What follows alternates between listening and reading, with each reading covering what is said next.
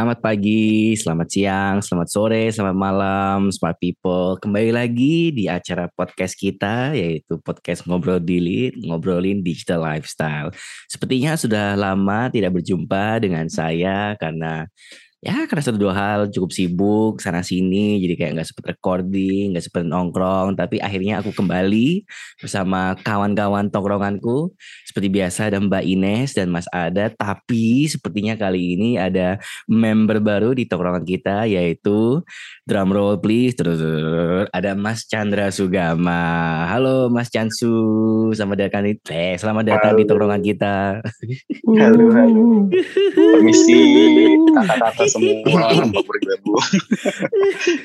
Jadi sebagai salah satu member terbaru di tongkrongan kita, tentu saja kita harus ospek dan kita harus apa ya uh, right to passage. Kita harus berikan spotlight kepada Mas Chansu. Jadi uh, topik kita kali ini episode ke-47. Wah, ini udah episode 47 aja ini. Berarti kita udah apa ya tiga episode lagi udah mau episode 50 ini ya Mbak. Betul, betul, betul, betul. Keren, keren, keren, keren. Gak kerasa ini.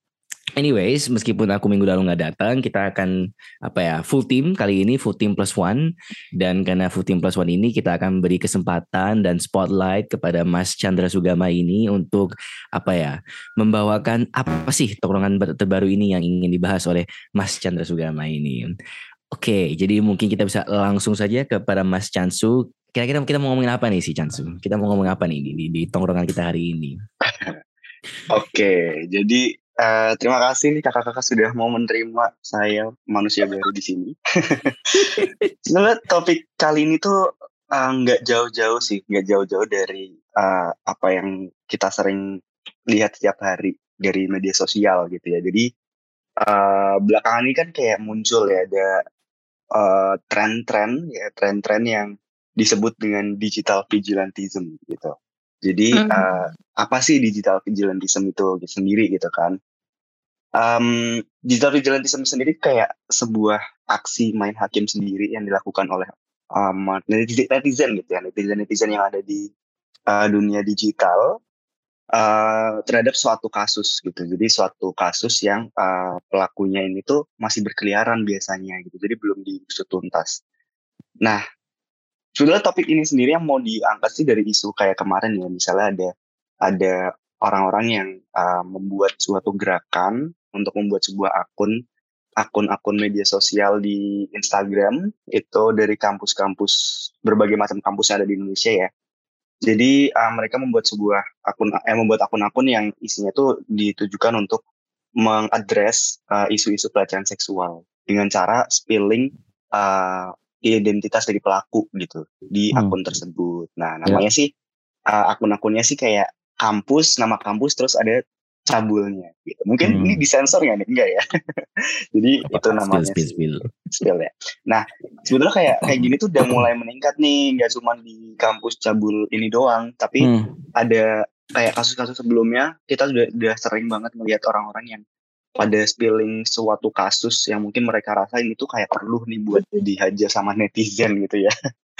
kayak beberapa kasus misalnya ter- kemarin sempat viral juga ada kasus ya Gopar Hilman misalnya. Ya. Hmm. Di cancel masa habis-habisan gitu kan karena kasus juga pelecehan seksual. Nah gitu. Cuman sebetulnya kasusnya nggak cuman ada di eh maksudnya topiknya gitu ya cakupannya itu nggak terbatas di pelecehan seksual aja. Nah ini mungkin kita bisa ngebahas bareng-bareng sih sebetulnya fenomena ini tuh uh, mulai kapan sih muncul gitu kan terus juga sejauh mana ini tuh bisa berdampak ke penanganan kasusnya gitu gimana nih menurut kakak-kakak nih menurut teman-teman semua smart people juga Hmm, pertama tepuk tangan dulu untuk Cancu, yeah. Baru lulus tepuk tangan. Baru lulus, sudah sudah. Tunggu aku ya Chan, sudahnya besok. Ah, uh, kalau menurutku sih digital vigilantism tuh kayak pedang bermata dua gitu gak sih? Hmm. People kayak apa namanya? Satu sisi tuh kayak aku sebagai perempuan ya kayaknya bisa ngomong lebih hmm. berbobot nih di sini yang yang emang beneran aku rasain gitu. Soalnya jadi perempuan tuh kalau lagi kena kayak gini-ginian tuh kayak susah banget kayak lebih kayak lantai itu berasa lebih eh apa rapuh daripada kulit telur gitu kayak mau ngomong tapi orang-orang tapi ini tabu. Jadi kalau misalnya gue ngomong yang kena gue. Gitu.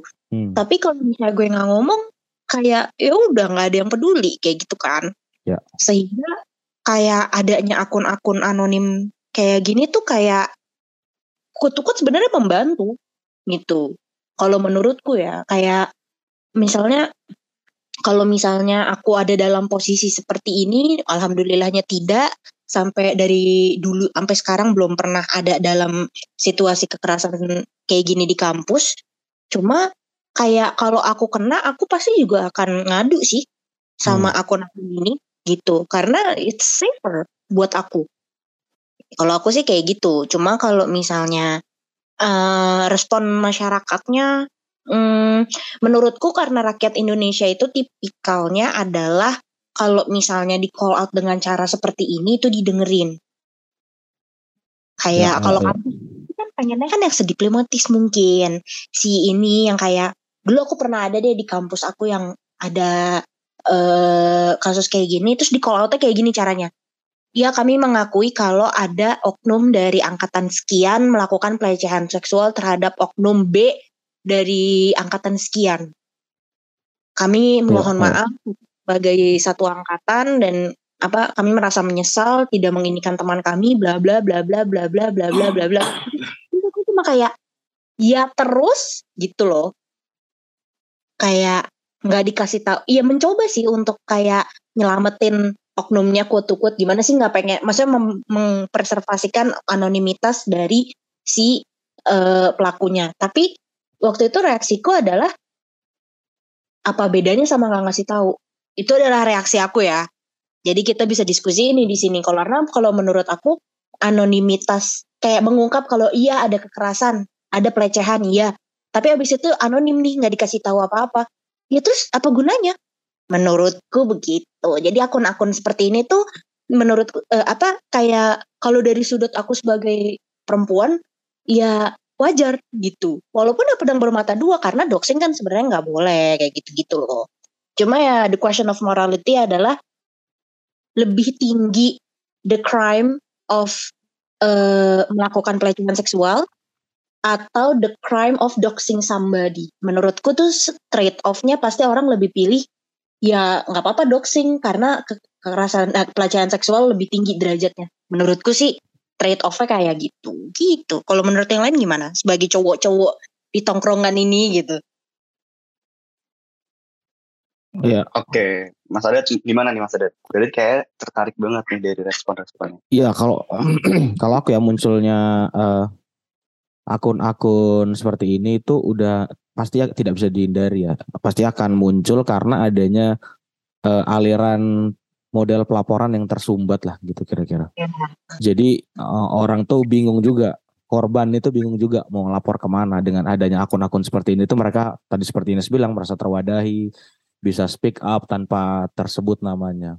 Nah tapi memang eh, di satu sisi eh, sebenarnya kan kita menerima banyak sekarang mendengar banyak kasus kekerasan seksual itu adalah bagian yang sebenarnya bukannya aku ini bukannya mensyukuri ada banyak kekerasan seksual tapi ini sebenarnya memang orang akhirnya mulai membicarakan soal kekerasan seksual gitu loh. Jadi banyak sekarang yang ngomongin soal itu. Jadi menurutku eh, di sisi lain itu bagus. Karena orang secara terbuka sekarang mau mengatakan bahwa oh ternyata kayak gini nih ini loh apa pelecehan seksual loh. Oh ternyata kayak gini pelecehan seksual loh. Ini melakukan pelecehan seksual. Nah tapi menurut eh, ini menurut pendapatku juga bahwa eh, tuduhan pelecehan seksual itu memang harus eh, berpihak pada korban yang utama tapi juga harus eh, memberikan bukti yang eh, valid karena kalau enggak upaya memberantas kekerasan seksual itu atau pelecehan seksual itu jadi jadi uh, berbalik juga nantinya kepada kita yang memperjuangkan misalnya seperti itu. Dalam kasus ini misalnya digital vigilante digital vigilantism ini eh, bagaimana membuat sebuah ruangan pengadilan gitu ya di sosial media menurutku menjadi salah satu hal yang juga perlu kita eh, awasi bersama. Karena misalnya kayak misalnya akun-akun yang belakangan muncul tentang anti cabul atau cabul gitu ya yang menunjukkan secara terang siapa pelakunya tapi yang agak aku sayangkan adalah uh, tidak didukung dengan uh, bagaimana kronologis kejadiannya begitu. Siapa uh, bukan ini aku nggak bilang siapa korbannya, tapi maksudnya bagaimana korban ini uh, ceritanya gitu atau adakah bukti chat dan lain-lain yang memang menunjukkan bahwa uh, ini adalah bagian dari kasusnya. Ini mungkin ini mungkin hmm. akan ditentang banyak orang karena menurut mereka nggak perlu lah buat apa itu nanti akan melukai korban dan lain-lain. Tapi sekali lagi menghakimi uh, orang yang secara maksudnya kita ketika mengha ingin menghakimi seseorang dan menyebutkan namanya secara terang, menyebutkan fotonya secara terang, itu sebuah resiko sebenarnya e, bagi si pelapor juga karena ada UITE masih. Yang mana ketika nanti dibalik malah kita jadi e, kena counter attack kalau misalnya main bola tuh, jadi kena serangan balik gitu karena mungkin benar dia salah, tapi cara kita itu juga harus lebih cerdas daripada e, pelaku gitu. Karena pelaku ini tentunya punya kalau tidak ada bukti yang jelas tentunya pasti sangat diuntungkan. Ini kan sering kejadian-kejadian kekerasan seksual, kejadian-kejadian pelecehan seksual itu eh, pelaku utamanya lolos. Dulu masih yeah. masih mungkin teman-teman ingat yang kejadian waktu yang di di kampus di salah satu kampus Jogja juga. Eh, waktu itu cukup ter, terkenal kok eh, di kampus Jogja Utara eh, si orang ini juga katanya melakukan pelecehan seksual padahal eh, dia itu dalam kehidupan sehari-harinya sangat agamis, religius dan lain-lain. Yang terjadi sekarang apa? Masih bisa sekolah, masih bisa S2 di mana pun dan berkarir dengan baik gitu. Karena hmm. tidak adanya strategi yang baik ya dari eh, para korban atau eh, mereka kita yang punya kasus isu ini dan dan mem, bukan pada bukan pada me, apa ya menjatuhkan hukuman untuk akademis atau dan lain-lain, tapi fokus pada bagaimana mempermalukan di publik saja. Padahal tujuan utamanya adalah supaya dia ini nggak ber melakukan itu lagi kan. Itu tujuan utama yang yang yang yang perlu kita bikin. Dan setelah dua tahun, sekarang dia ngepost di Instagram seperti biasa, menginfluence dan lain-lain. Bahkan ngerinya yang ngerinya dukungan untuk dia dari kalangan-kalangan tertentu itu muncul. Hindari apa uh, tetap tabah menghadapi fitnah ini dan lain-lain dan padahal padahal sebenarnya kalau waktu kita baca kasus itu jelas terbukti dia memang pelakunya gitu. Tapi bagaimana publik mudah lupa itu yang harus dikawal. Jadi menurutku ketika muncul akun-akun seperti ini ada beberapa hal yang menurutku juga kita perlu perhatikan terkait dengan caranya. Bagaimana ini menimbulkan efek yang betul-betul uh, orang tuh percaya sama hal ini dan uh, kalau kita mau melakukan cancel culture tuh secara bijak gitu ya menyuguhkan bukti-bukti yang uh, matang gitu ya. Kita kan kita kan banyak nonton film-film ini ya, apa investigatif dan lain-lain ya. Aku pikir kita bisa punya banyak cara untuk melakukan hal-hal seperti itu. Dan yang dan yang kedua menurutku akun akun-akun seperti ini juga sangat berpotensi untuk memberikan ancaman ya. Uh, salah satu akun misalnya yang aku lihat di Instagram itu bahkan uh, masih maksudnya kayak mengancam masih berani deh untuk macam-macam dan lain-lain. Itu menurutku bahasa yang bukan bukan untuk kita memberi fokusnya pada korban aja deh. Jangan fokus pada pelakunya jangan fokus pada ngancam orang untuk uh, jangan jangan hati-hati kalau melakukan kerja apa jangan macam-macam lu. Kita di IPB udah punya kayak gini atau kita di kampus tertentu kita udah punya kayak gini gitu. Ini kan kasusnya yang yang sedang kita lihat aku ngelihat uh, ada satu akun namanya IPB anti cabul gitu ya. Jadi ini ini followersnya juga udah cukup banyak dan menurutku uh, di satu sisi uh, bagus ini tapi caranya menurutku uh, sebagai seorang yang uh, pernah beberapa kali menemui kasus tentang UITE ini kasus ini sangat rentan akun ini. Sangat rentan dihajar da dari macam-macam posisi gitu. Tidak ada filter uh, nama tidak ada filter wajah juga gitu untuk uh, pelaku gitu. Jadi menurutku ini bisa menjadi bumerang juga gitu. Sehingga um, ya jangan terlalu gunakan ada cara yang bisa dirumuskan untukku banyak cara yang bisa dirumus. Jangan Mas, sekedar untuk kayak uh, ini di Gimana? apa ini mas yang kayak yang pernah aku tulis itu loh yang apa alis kamu betul. Menurut aku itu apa kayak modus operandinya tuh lebih mengerikan ya dibandingin yang kampus-kampus ini. Tapi justru malah polisi lebih kayak menyorot kayak kenapa ya?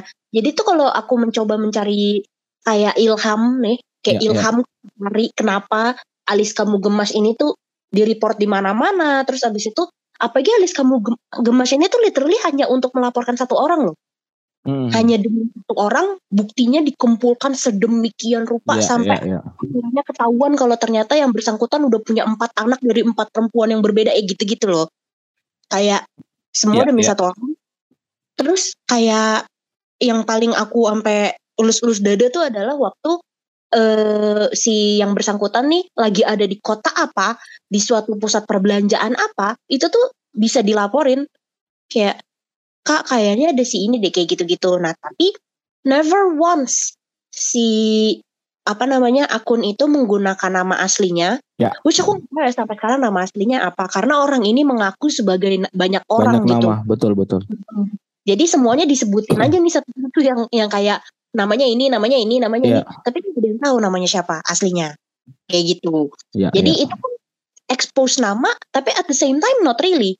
Iya, iya. Ya, Menurutku Iya. bisa bi- biarkan oh, biarkan publik yang menuliskan. Jadi jangan sampai si akun ini yang menuliskan, yang menjadi yang menjadi apa ya juri gitu lah. Kan kita tahu lah kalau di Twitter tuh biasanya ada satu kasus menyebutkan nama di kita tiba-tiba misalnya kayak misalnya ada yang pakai narkoba nih artis. Tiba-tiba di, bawahnya nyebut nama. Nah, media kan nggak nyebut nama siapa ya artisnya ya. Yang kena paling cuman inisial eh, misalnya eh apa siapalah AB misalnya gitu. Kemudian netizen kan yang nulis si ini nih si ini nih si ini nih. Nah menurutku eh, untuk akun-akun yang ingin memberikan perhatian khusus terhadap kekerasan seksual, pelecehan seksual kepada pelakunya dan juga membela korbannya, cara-cara yang kayak tadi Ines bilang itu menurutku sangat tepat dan dan bisa orang tuh udah bisa mengerti ini siapa gitu, bisa mencari tahu sendirilah kasusnya gimana. Kalau misalnya itu itu sebenarnya persek untuk eh, biar si pemilik akun ini juga nggak kena kasus Iya. gitu loh. Itu yang jadi masalah selanjutnya menurutku. Sayang aja perjuangannya misalnya untuk membela itu justru malah dihajar sama orang yang salah sebenarnya gitu.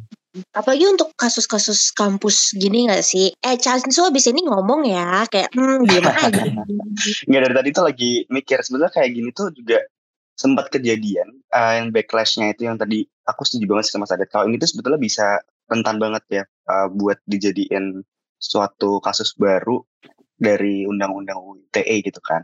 Nah ini tuh kayak kejadian waktu beberapa waktu yang lalu di itu tadi di kasusnya artis ya yang diduga dia melecehkan tapi ternyata si si pelak si korban ini tuh dia nggak punya bukti yang cukup kuat gitu walaupun Hmm. ini tuh udah sampai dibawa ke tahap hukum bener-bener yang udah ada kuasa hukum yang ikut campur juga dan Iya, ujung-ujungnya kan karena dia nggak ada bukti yang kuat jadi malah kayak backlash ke korbannya sendiri. Dan aku dengar sih itu si terakhir di kasus ini sendiri dia malah akhirnya minta maaf ke si korban ini yang spill uh, awalnya spill. Dia minta maaf karena uh, tidak mempunyai uh, bukti yang kuat dan juga mungkin ya mungkin juga dia juga uh, ter ter apa ya mungkin kayak ter ter pressure dari kuasa hukumnya si si timnya si artis ini gitu. Jadi emang sebetulnya kayak gini tuh uh, ya benar tadi sih kalau Kak Ines bilang uh, juga pedang bermata dua walaupun mungkin tadi in another sense gitu ya. Kalau Kak Ines kan maksudnya kayak ini bisa jadi baik tapi bisa juga buruk ya. Kayak doxing Hmm. orang gitu kan. Cuman ini juga bisa jadi pedang bermata dua kalau misalnya ini tuh bisa nyerang balik ke korbannya gitu. Hmm, ini setuju hmm. banget sih. Kayak itu perlu banget buat kita pertimbangin. Apalagi ini buat smart people yang yang sering ikut ikut ikut ngeramein ya kalau ada thread-thread gitu ikut ikut Iya, nge- iya. ngeramein di Twitter tuh juga harus mempertimbangkan lagi nih mungkin. Tapi not to say jangan ikut ngeramein ya. Karena kayak kasus-kasus kekerasan Hmm, seksual betul. dibawa ke ranah ruang digital tuh ya nggak bisa dipungkirin dia lebih dia lebih diperhatikan dibandingkan jalur lain gitu. Kalau misalnya ya ini pedang bermata ber, eh pedang bermata berdua what the fuck? pedang bermata berdua. Iya, tapi at the same time kayak kenapa ini jadi fenomenon salah satunya tuh adalah karena ya itu tadi Mas Adat udah pernah bilang kan bobrok soalnya kayak Betul. yang harus melindungin nggak ngelindungin jadi dibikin kayak gini gitu kayak aku sih kayak di sini stance bener-bener kayak apa ya ya menurut aku alis aku alis kamu gemas tuh udah oke banget karena dia tuh sebenarnya nggak menghakimi si itunya si pelakunya dia Iya. let the bukti speaks for themselves gitu Iya, loh itu yang penting menurutku ya. Karena Iya. orang bisa bisa menilai sendiri sebenarnya dia eh seperti apa orang ini seperti apa gitu. Jadi jadi eh kalau udah ada bukti banyak orang tuh jadi percaya dengan kasus ini gitu. Jadi nggak ada dua nggak akan ada dua istilahnya nggak akan ada dua apa ya dua opini lah. Kayak waktu yang kasus alis kamu gemas tuh kan menurutku nggak akan ada orang yang ngebelain dia. Orang udah jelas banget mm -hmm. segitu banyaknya korbannya gitu. Segitu banyaknya dia ganti nama korban ini dan dan lain-lain eh, betapa uh, sulitnya korban dan itu disertai bukti yang menurutku uh, terus berlanjut gitu. Testimoni orang yang terus berlanjut. Dan itu kan udah bukan kasus kecil lagi itu udah udah udah predator gitu ya memang kalau itu udah mencari banyak korban. Nah itu menurutku jauh lebih bijak gitu memang. Ya. Ya sebetulnya berarti lebih pen, lebih ke pinter-pinter strateginya aja sih tadi ya supaya itu enggak enggak enggak uh, jadi bumerang buat si pelapor itu sendiri gitu. Ya ini soal cara ya menurutku karena uh, melaporkan uh, kasus kasus pelecehan seksual ini tuh sebenarnya memang ya sulit lah. Maksudnya uh, menilainya tuh cukup sulit karena kejadiannya kan biasanya terjadi di ruang-ruang tertutup ya yang memang yang iya. memang tidak diketahui banyak orang ini juga sangat sangat tricky gitu ya untuk bisa diketahui atau diceritakan sehingga memang uh, yang bisa dilakukan biasanya adalah ketika misalnya ada bukti-bukti chat yang mengawali pertemuan tersebut misalnya bisa dilaporkan. Kemudian misalnya ada cara-cara lain misalnya dalam buk biasanya ini biasanya juga seorang uh, pelaku itu biasanya nggak cuma satu orang pasti melakukannya pasti ke banyak orang gitu ini ini kayaknya selalu kayak gitu sih dan tidak hanya satu memang sebuah sebuah rutinitas gitu ya menurutku dari si pelaku ini untuk melakukan itu sehingga biasanya akan ada bukti-bukti lain yang yang memang uh, uh, uh, bisa diungkap gitu lebih jauh lagi uh, iya. terkait dengan pelakunya gitu. Hmm. Dan apa ya?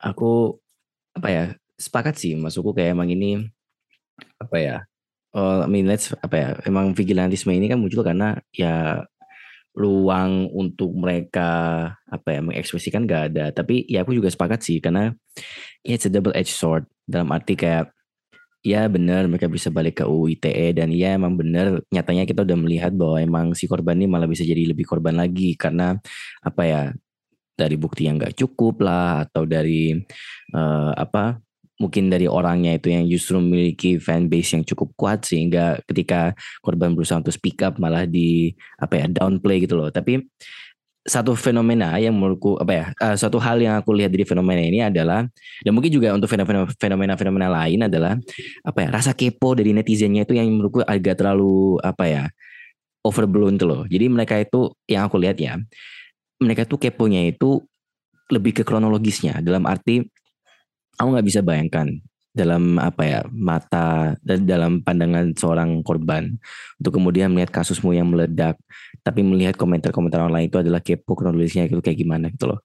Dan dalam arti it's apa ya reliving the trauma yang muncul kemudian hmm. yang kamu rasakan itu muncul dan di blow up jadi jadi kayak cuma apa ya istilahnya kayak sebuah drama atau T di sosial media itu loh. Aku kemarin hmm. lihat juga apa ya kayak sebuah uh, quote retweet terhadap apa ya pokoknya ini kan muncul juga di Twitter kan ada yang bilang kayak oh ini akun-akun cabul ini muncul nih akun-akun yang anti cabul. Terus kemudian ada yang quote dengan satu hal yang membuat aku merasa kayak iya iya iya juga ya. Tapi adalah apa ya sebuah fixated kita terhadap untuk exposing the apa the hmm. perpetrators ketimbang kita untuk accommodate dan apa ya focus on the victims gitu loh. Uh, mungkin apa ya? Uh, know, mungkin stanceku dalam hal ini adalah kayak apa ya? Mungkin karena ini upbringingku dari HI juga dan mungkin Casu juga merasakan yang sama kayak apa ya spoon fed hmm. dengan apa ilmu-ilmu anti kekerasan seksual dari pandangan uh, HI dan gender dan sebagainya tapi aku selalu merasa kayak apa ya perkara victimnya ini apa ya ada bukti atau tidak itu it's hmm. always apa ya nggak ada salahnya untuk selalu mendukung para victimnya tersebut tapi di saat yang sama ya emang apa ya tapi apa ya ada beberapa ada beberapa kasus yang mungkin uh, prove to be apa ya bukannya kejadiannya kan. Misalnya kayak ya victim yang ngomong apa terus kemudian kurang bukti dan sebagainya. Tapi itu kan cuma kasusnya satu dua kan.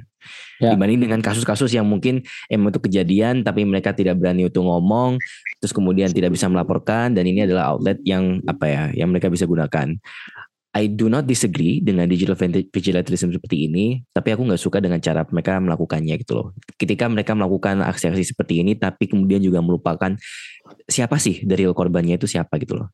Bukan berarti kita hmm. mengekspos kemudian ini korbannya ini adalah ini, tapi enggak. Maksudku adalah korbannya itu adalah orang nyata gitu loh ini adalah seseorang yang beneran ada dan masih menjalani hidup-hidup harinya dengan merasa trauma tapi kemudian apa ya aku nggak tahu. Kayak mungkin mungkin ada yang merasa tenang dan senang ketika melihat muka perpetrator mereka terpapar di media sosial dan apa ya diaung-aungkan terus kemudian apa ya dicap sebagai predator di mana-mana mungkin ada yang merasa senang.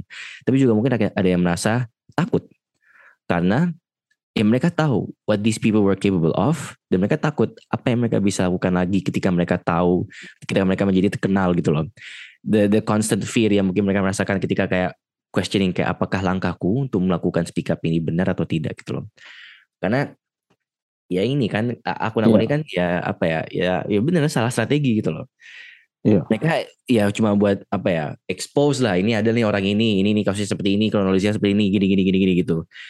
Tapi aku nggak tahu di, di apa ya di layar belakangnya apakah itu dari korbannya yang speak up kepada ini atau itu orang yang mungkin kenal dengan korbannya terus kemudian melangkahi apa ya eh, korban tersebut yes. kemudian uh, nge-spill cerita ini kan ada ada banyak ada banyak banget kayak layers of, of nuances yang ada di dalam kasus ini yang membuatku merasa kayak aku sepakat dengan adanya digital footage apa ya bukan sepakat sih tapi kayak it's nice to know ada banyak sekali yang apa ya akan selalu mendukung korban yeah, dan yeah. selalu mau mengedepankan para apa pelaku tapi di saat yang sama juga it doesn't seem apa ya seolah-olah tidak terlihat bahwa mereka itu peduli dengan korbannya tapi hanya peduli dengan oh si korban eh si si pelakunya adalah ini dia hmm. kuliah di sini kerjanya di sini minta tolong kepada seluruh uh, HRD atau apa itu yang ada yeah, di yeah, Indonesia yeah. untuk memblokir dia that's apa ya Ya. It yeah. leaves a bad taste gitu loh. Ya menurutku menurutku orang mencintai keramaiannya pasti di ya, kasus pasti, apa pun. Pasti. Yeah, yeah. Jadi jadi uh, secara natural kita mencintai keramaian memang. Maksudnya apa pun di dunia nyata atau enggak, secara maksudnya secara mayoritas ya orang menyukai hmm. keramaian. Kalau ada kecelakaan aja misalnya di jalan nah, gitu. Iya. Itu kan jadi kita ada apa nih nonton, gitu nonton rekam, gitu. gitu. Ini sama, ini ini menurutku hal yang sama terjadi. Ini ini pasti bisa menjelaskan secara bagaimana efek dari segi kriminalitas. Tapi maksudku adalah men, tadi Karim sempat menyatakan bahwa berpihak pada korban itu penting di semua kasus. Tapi hmm. menurut uh, satu hal yang juga cukup penting adalah bagaimana untuk kita tidak melakukan tuduhan-tuduhan kosong gitu kepada juga ke ke pelaku. Ini aku pernah ngomong kayak gini di Twitter dan aku dihajar masa ya. Uh, kenapa? Menurutku kita tetap pernah melakukan itu karena menurutku akan sia-sia yang dilakukan oleh orang-orang ini. Kalau kita memperlakukan orang lain dengan cara yang sama, kita nggak ada bedanya dengan si pelecehan seksual ini sebenarnya. Kalau kita melakukan tuduhan kosong, itu menurutku kita nggak ada bedanya. Terutama kita menggunakan cara-cara yang misalnya tidak tepat, tidak disertai dengan bukti yang tepat seperti yang Ines bilang tadi. Ini juga pernah kejadian ketika misalnya yang di di di kampus kita ketika ada kasus seperti itu, orang-orang yang menurutku harus lebih paham soal bagaimana cara melindungi korban dan juga me, membuat uh, menunjukkan bagaimana sebenarnya siapa pelakunya, tapi justru menunjukkan foto pelaku di sebuah kegiatan gitu secara terbuka dan jadi menurutku ini lah ini apa bedanya dengan uh, uh, kita yang kita yang sedang membela korban atau ini cuma mencintai ini mau mau dijadiin kayak uh, arena lempar jumur aja lemparin batu nih foto-fotonya dia gitu. Itu kan menurutku betul betul. Dan akhirnya pun nggak ada efeknya apa-apa ke si pelakunya sampai sekarang. Bahkan pelakunya lulus dari kampus waktu itu. Dan ini menurutku menjadi hal yang nggak tepat emosional aja gitu. Seharusnya jauh bisa lebih cerdas uh, bisa bikin uh, campaign yang ya apa susahnya menutup foto gitu. Eh, sekarang editan banyak gitu. Dan orang udah pasti tahu netizen tuh jauh lebih cerdas publik tuh jauh lebih pintar daripada kita dan bisa tarik tahu sendiri. Bukan kita yang bukan si lembaga ini atau sekumpulan orang ini yang meng mengkonfirmasi bahwa ya pelakunya adalah si ini dengan nama yang jelas. Ini sering kejadian yeah. sering kejadian sekali bahwa uh, menggunakan eh, apa namanya itu tugasnya tugasnya orang aja lah tugasnya publik aja bukan tugasnya kita sebagai yang yang misalnya ada ada lembaganya atau ada akun-akun kayak gini itu bukan tugas kita. Nah itu menurutku kalau misalnya kita melakukan dengan cara seperti itu kita nggak ada bedanya sih uh, dengan uh, bagaimana uh, kelakuan si pelakunya gitu. Maksudnya kita juga jadi merundung juga akhirnya melakukan uh, apa ya tindakan kejahatan lain gitu. Uh, mm -hmm. Ya memang ini kasusnya belum belum biarkanlah uh, biasa kalau di ingat gak kasusnya uh, orang Indonesia yang di Inggris yang oh, yeah. yang yang yeah. dia recording uh, banyak yang korbannya predator itu seksual yang ya. predator seksual itu itu kan ba- Mhm. bahkan sebenarnya orang sana udah tahu ada kejadian itu tapi di kita tuh baru tahu waktu itu masuk di pengadilan maksudku seetikal etikanya tuh se dijaga sebegitu luar biasanya gitu ketika masuk ke pengadilan dan terbukti eh, udah masuk ke ranah pengadilan dibuka publik. Kalau di pengadilan kan udah dibuka publik tuh kasusnya. Boleh diliput dan boleh menyebutkan nama. Itu baru ketahuan padahal itu kasusnya udah berapa lama di dikumpulkan gitu. Jadi menurutku kita bisa mencontoh yang seperti itu meskipun ya penanganan di di di pengadilannya atau di di di di, di tindak lanjutnya mungkin belum sebaik di luar negeri tapi ya kita bisa mengupayakan dengan cara itu. Sekarang kalau misalnya kita bawa kasus-kasus kayak gini ke eh, kepolisian atau ke pihak yang berwajib dengan tekanan publik menurutku pasti akan ditangani dengan baik berapa kasus belakangan ini yang dengan tekanan publik itu diselesaikan dengan Hmm. baik gitu ya dalam tanda kutip eh, oleh Nah. pihak kepolisian Ya, Tapi emang strukturnya buat gini-gini ya, buat kerasa eh, kasus pelecehan seksual, terutama di kampus ya, itu tuh emang emang, aduh, kayak wild wild jungle deh menurut aku. iya Kayak betul.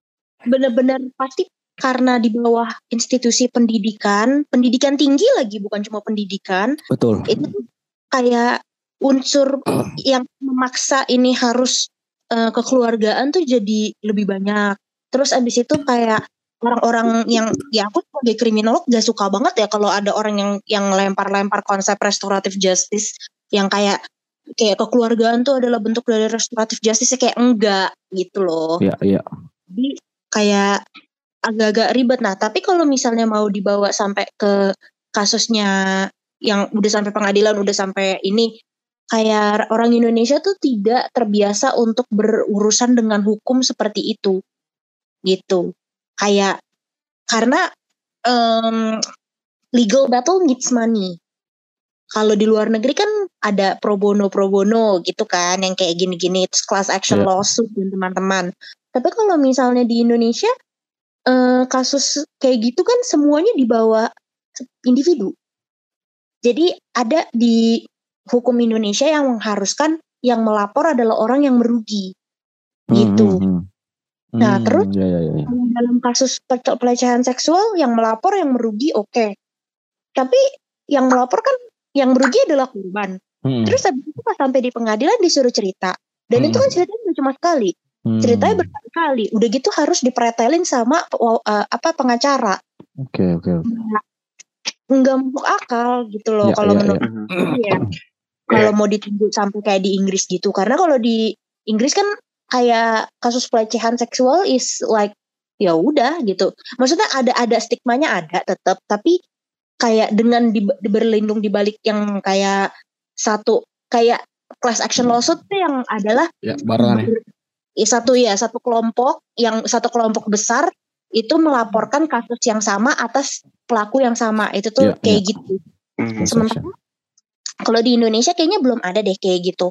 Adanya paling cuma bisa input amicus curiae yang kayak koalisi eh, apa perlindungan korban pelecehan seksual apa meng, ini uh, mengsubmit amicus curiae mendesak pemerintah, Iya. mendesak ini cuma bisa kayak gitu gitu. Emang emang Sementara- nggak nggak ada ya nggak bisa ya Nesya kalau di Indonesia ya kayak satu kasus kayak misalnya predator gitu nggak pernah atau belum- emang nggak bisa ya? itu aku nggak tahu misalnya bisa apa enggak. Cuma aku nggak pernah dengar tuh ada yang namanya equivalent to class action action lawsuit di Indonesia tuh aku belum pernah dengar. iya kayak Hmm. kasusnya misalnya yang apa yang pelecehan seksual yang misalnya tokoh agama yang pesantren kemarin kan itu juga bukan class bukan bukan masuknya bukan class action padahal korbannya Iya. banyak kan Bukan. Karena ya itu, karena kalau setahu aku di Indonesia tuh yang melapor ke pengadilan adalah harus orang yang bisa mempertanggungjawabkan oke oke oke oke.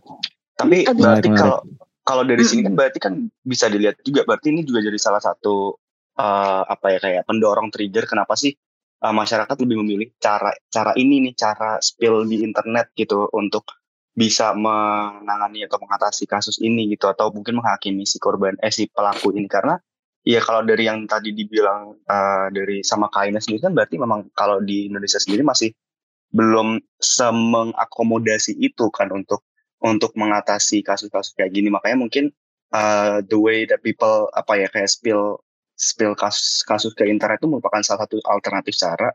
Mungkin ya kalau misalnya back to notion kalau orang-orang menganggap bahwa ini tuh untuk mendesak mendesak quote unquote lembaga-lembaga yang yang yang harusnya menangani gitu. Untuk segera menangani ya sebetulnya berarti emang emang emang ini udah sesuai dengan jalurnya sih. Cuman ya ya gimana? Maksudnya kayak ini kalau misalnya mau di benar-benar diusut serius sampai ke hukum nggak cuman ke tahap sanksi sosial aja ya, ya. itu perlu perlu kayak miles miles kayak miles way to go gitu loh untuk bisa itu kita harus kayak mengumpulkan bukti-buktinya harus kayak hmm. kayak kayak benar-benar kayak filing filing the documents yang itu tuh harus orang tadi benar sih kayak butuh keluar duit banyak butuh waktu yang banyak gitu makanya mungkin orang-orang lebih memilih cara-cara alternatif yang yang yang yang ya bisa dibilang lebih mudah ya kayak orang tinggal sekarang kita tinggal spill nama terus kayak tulis thread pelaku kekerasan seksual terus kita yeah.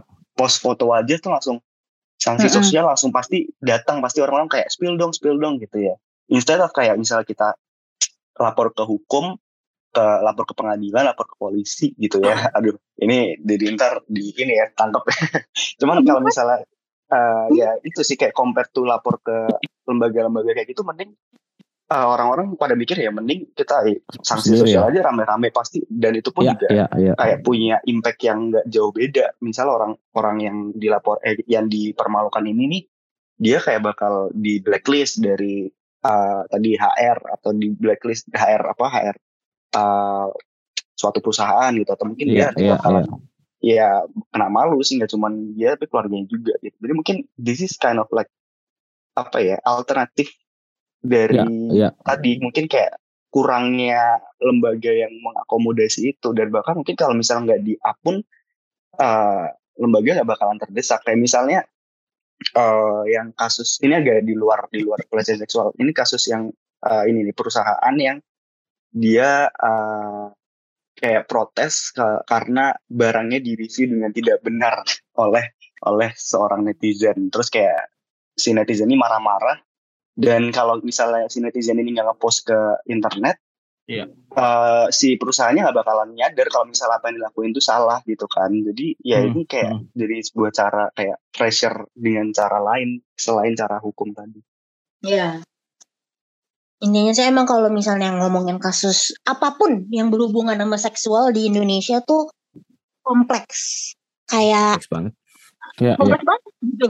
Kayak kalau misalnya kita mau ngelihat ini dari sudut pandang murni nih kayak perempuan dan keadilan gitu. Ya jelas yang namanya digital vigilantism ini oke okay banget.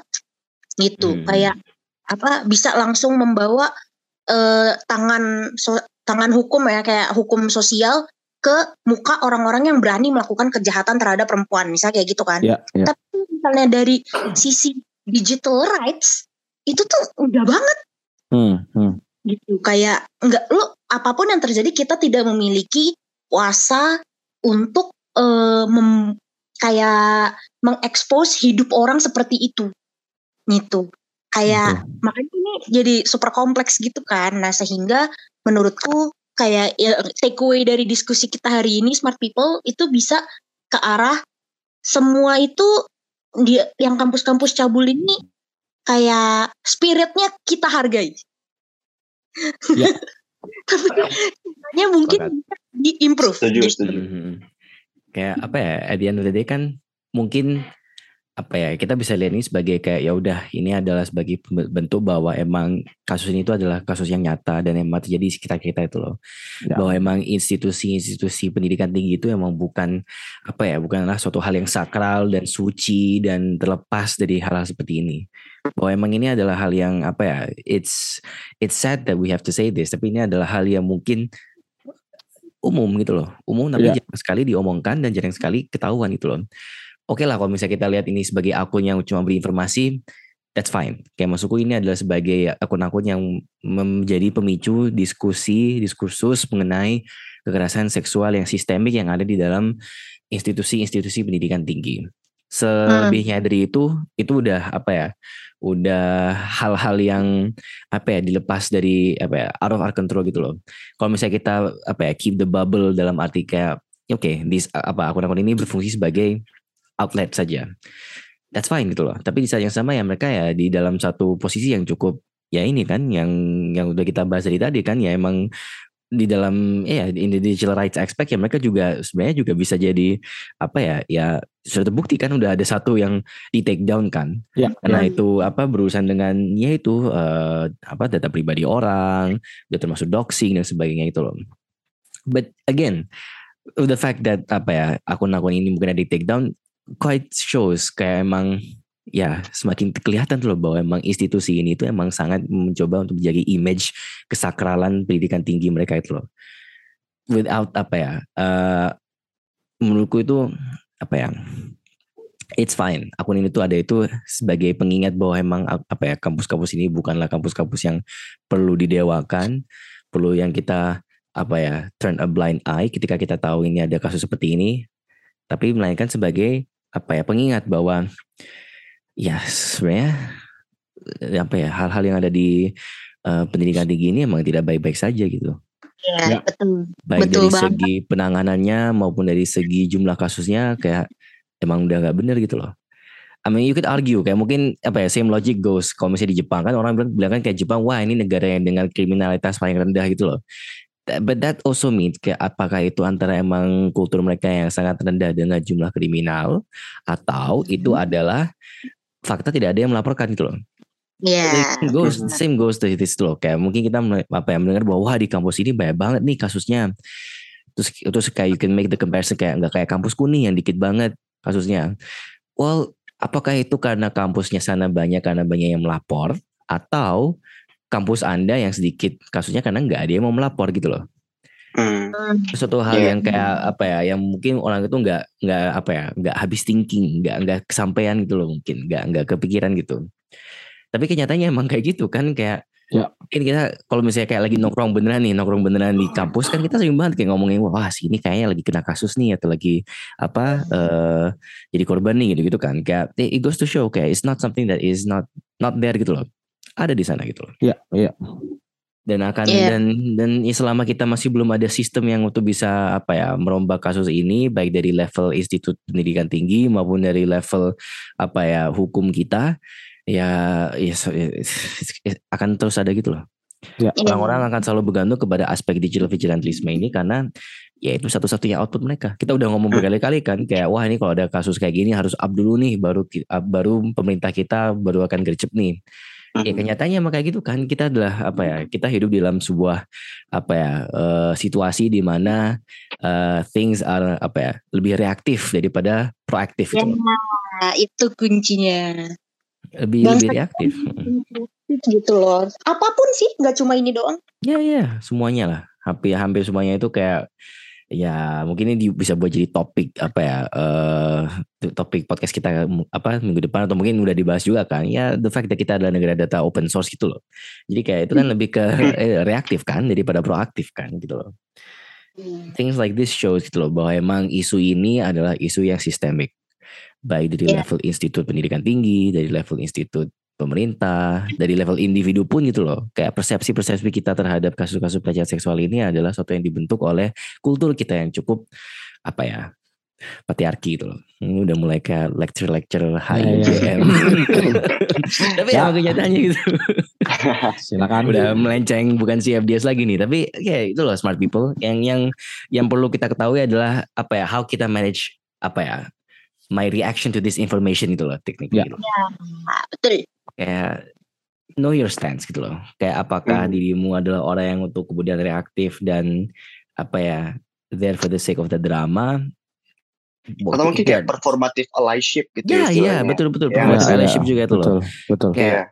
apa ya karena sudah mulai maraknya kasus ini it- apa ya bukannya kita mau bukannya aku mau menggurui ya tapi kayak sudah waktunya kita introspeksi itu loh kayak apakah apa ya mungkin akan ada yang bilang bahwa wah ini dengan banyaknya kasus ini berarti menunjukkan bahwa keberbrokan moral gitu loh tapi eh, ya itu kembali lagi kayak is this keberbrokan moral atau apakah ini adalah exposing the already existing keberbrokan moral yang sudah ada dari dulu cuma Ya. karena sekarang kita memiliki platform memiliki power untuk kemudian menggemakan experience dari kita maupun dari korban yang kita kenal gitu loh.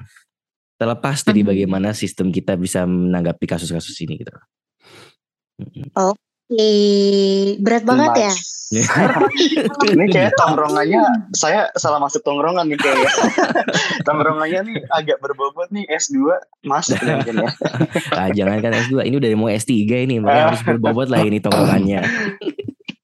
betul. betul. Tapi kalau aku pengen tahu lebih jauh, kayak aku pernah nulis juga soal digital vigilantism ini dan apa berikut dengan concern-concern yang kita omongin barusan, kita bisa ya, temu ya. mana Rip? di cfds.visipol.ugm.ac.id dan kalau misalnya mau follow-follow kita di Instagram maupun Twitter cek juga di cfds UGM eh kok aku udah lupa ya? Apa itu? Email? Instagram Instagram Instagram. Uh, underscore. Underscore UGM baru udah lama nggak rekaman sekali udah jadi lupa But anyway smart people mungkin apa ya transition kita kali ini tidak sesmooth tapi selalu ingat lah kalau kita mau membaca tulisan-tulisan kita, tulisannya Mbak Ines tentang digital vigil, hmm, digital vigilantism ada di cfds.visipol.ugm.ac.id.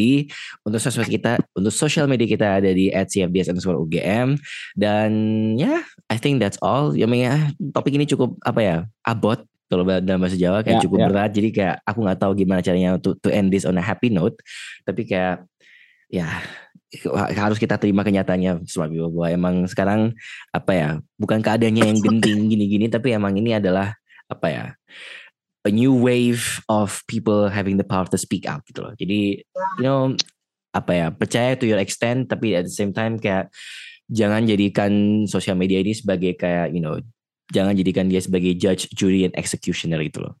Cukup dia jadikan sebagai platform untuk menyuarakan suara-suara orang-orang yang tertindas, orang-orang minoritas, dan sebagainya. Itu aja tongkrongan dari kita kali ini. Mungkin ada sepatah dua kata dari uh, Mas Chansu yang anak baru di tongkrongan kita kali ini. Enggak ada sih, tapi ya sebenarnya kayak bentuk-bentuk gerakan kayak gini tuh emang patut diapresiasi dan mungkin lebih tepatnya kayak untuk ke depannya mungkin bisa dibuat lebih structured lagi gitu ya kayak mereka harus tahu cakupannya apa dan dan kita sebagai netizen pun nih juga udah uh, punya stance yang jelas. Benar kata Karim. Udah sih itu aja mungkin. Ya ya ya. Sepertinya sudah waktunya kita akhiri tongkrongan kita kali ini. Terima kasih semuanya. See you next time. Kembali lagi smart people kalau ada mau saran buat topik lain langsung aja drop di sosial media kita at cfds underscore UGM thank you. Bye. Bye, -bye. thank you